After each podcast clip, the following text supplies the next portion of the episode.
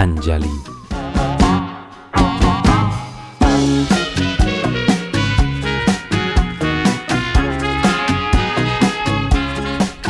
Al finalitzar una de les sessions de ioga de la setmana passada, amb un alumne vam estar comentant un tema seu, personal. En un moment de la conversa em va dir «Sento que estic transitant el buit». I ho va dir amb un punt com de derrota, com si aquella situació fos una transició forçada. I no és estrany. A Occident, la sensació de buidor ens angoixa. Necessitem sentir-nos plens a tota hora. Per això, de vegades, acabem desenvolupant comportaments compulsius i dependències cap a la parella, els fills, els diners o el treball, la reputació, fins al punt de no saciar-nos mai.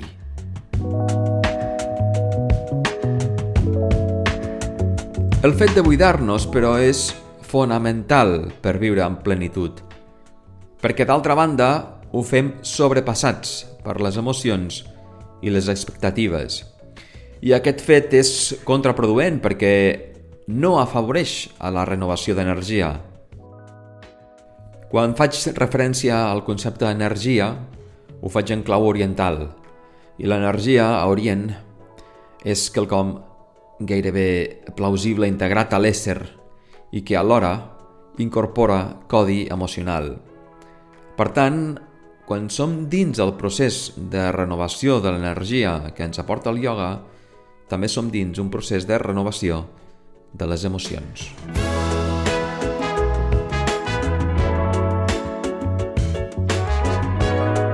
Per tal de comprendre-ho, imagina que el teu cos i la teva ment són una esponja. Aquesta esponja fa temps que té aigua acumulada i per renovar aquesta aigua acumulada, primer caldrà escórrer-la, buidar-la per complet. Una vegada s'ha buidat per complet aquesta esponja, la podem deixar de nou en un recipient amb aigua. Llavors, l'esponja el que farà és absorbir immediatament aquesta aigua nova. Doncs aquest és l'efecte que té lloc quan som dins d'una asana, quan un grup de teixits s'activen per tal de buidar-se. Només quan t'has buidat pots dir que has fet el primer pas per renovar-te. Mentrestant, mentre estiguis ple, no serà possible.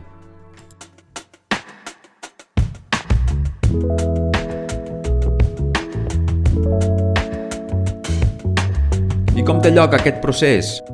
N'hem parlat en alguna altra ocasió té a veure amb la manera com respirem i més concretament té a veure amb el control que exercim sobre l'exhalació.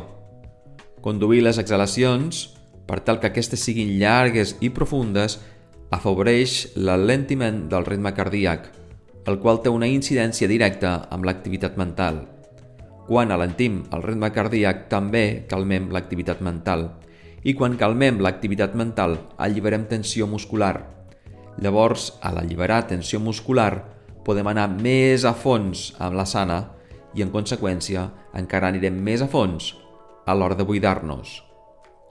Transitar el buit, doncs, no només no ens ha d'espantar, sinó que ens convé per crear aquest trànsit més sovint. El silenci, el dejú, el deixar anar, el desaferrar-se, són estadis que afavoreixen el benestar amb el propi ser. I ja hem parlat també de la importància de mantenir i reconèixer aquesta connexió amb el propi ser, perquè és el que ens fa sentir vius, allunyats de la por, ser més pròxims a la fe i a la passió per viure. Buida't i aprèn a viure en la buidor. Tot el que t'arribi a partir de llavors tindrà un valor extraordinari.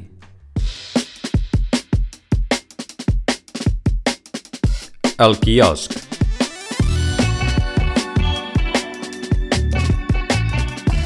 Dos dels debats més habituals entorn al ioga són, en primer lloc, quantes vegades a la setmana convé practicar i, en segon, si el fet de combinar el ioga i l'esport és quelcom positiu.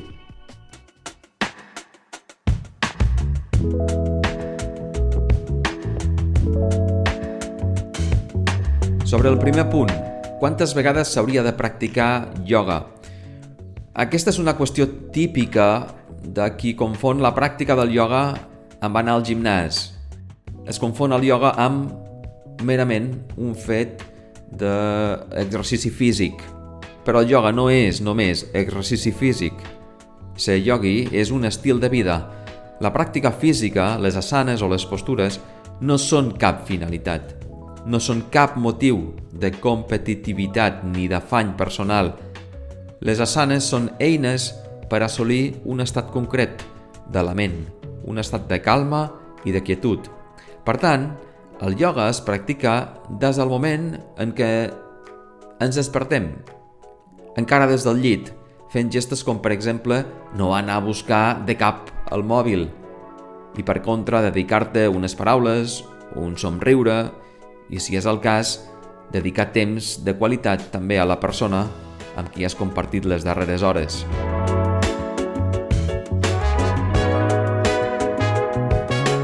Pel que fa a la pràctica física, convé practicar cada dia. I convé també deixar de mirar-nos la pràctica física del ioga com si fos una espècie de gimnàstica de manteniment. Quan practiquem ioga a nivell físic, ho fem per respirar. L'exercici físic és secundari. I que jo sàpiga, no respires només dos dies a la setmana, respirem cada dia, no? Doncs el mateix, la pràctica del ioga ha de ser un treball a diari, una disciplina a diària, perquè, repeteixo, el ioga, bàsicament, és aprendre a respirar.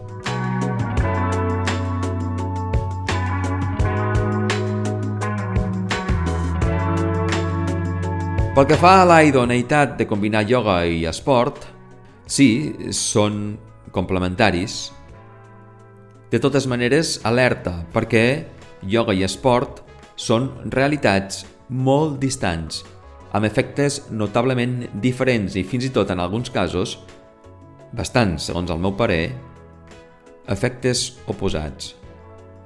Sobretot a nivell emocional, i sobretot si comparem el ioga amb l'esport de competició, perquè l'esport de competició pot portar les persones a greus problemes d'ansietat, sotmetent-los a una pressió brutal. I amb el ioga busquem justament el camí oposat. Per tant, ioga i esport són complementaris si l'esport està orientat al benestar. Però si la pràctica de l'esport es converteix en una agressió, llavors no complementa res.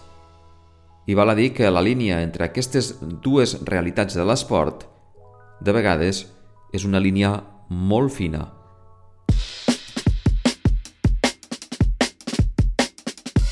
La sana.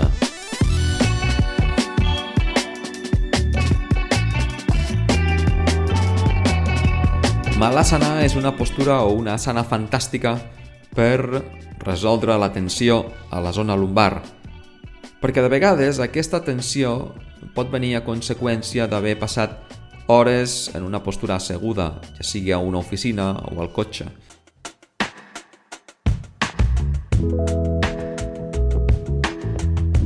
Malasana és pròpiament una asana d'obertura dels malucs i els malucs es tanquen davant un context de por, així com passa amb la tendència a tancar-nos també a l'àrea del pit o caixa toràcica.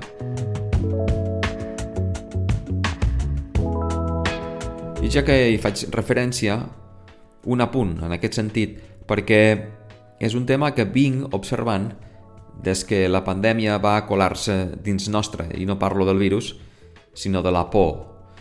Des de llavors he observat un canvi notable en les postures. Ens hem tancat, i més concretament ens hem tancat a la zona del tòrax, on precisament hi habiten dos dels òrgans vitals, com són el cor i els pulmons.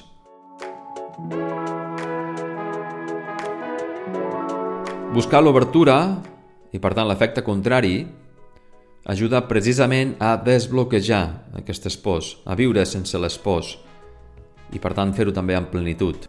Per a Malasana hem de buscar una postura asseguda, però amb els peus plans i ben arrelats al terra. Si no fos possible sentir-los plans, podem situar algun suport als talons, com per exemple una manta enrotllada o una tovallola. Aquesta opció és millor que utilitzar un tac, perquè en el cas del tac pot ser massa elevat. Atenció en no obrir massa els peus. Hi ha una certa tendència a malassanar. Eh? Els peus no miren cap a les diagonals. És un error força freqüent. L'orientació dels peus a malassanar tendeix a ser paral·lela i aprofitem aquest fet per pressionar amb el dit gros. Separem els peus tant com en sigui possible mentre puguem sentir l'arrel i mentre no perjudiquem els genolls. Al mateix temps procurarem buscar verticalitat amb la columna vertebral i entrar al coxis entre les cames. Allargarem l'espina dorsal i amb els colzes empenyem les cames en fora, per tal de incrementar l'obertura dels malucs. Mantindrem l'abdomen actiu i en els casos d'una pràctica avançada aplicarem mula banda. Les respiracions seran llargues i calmades.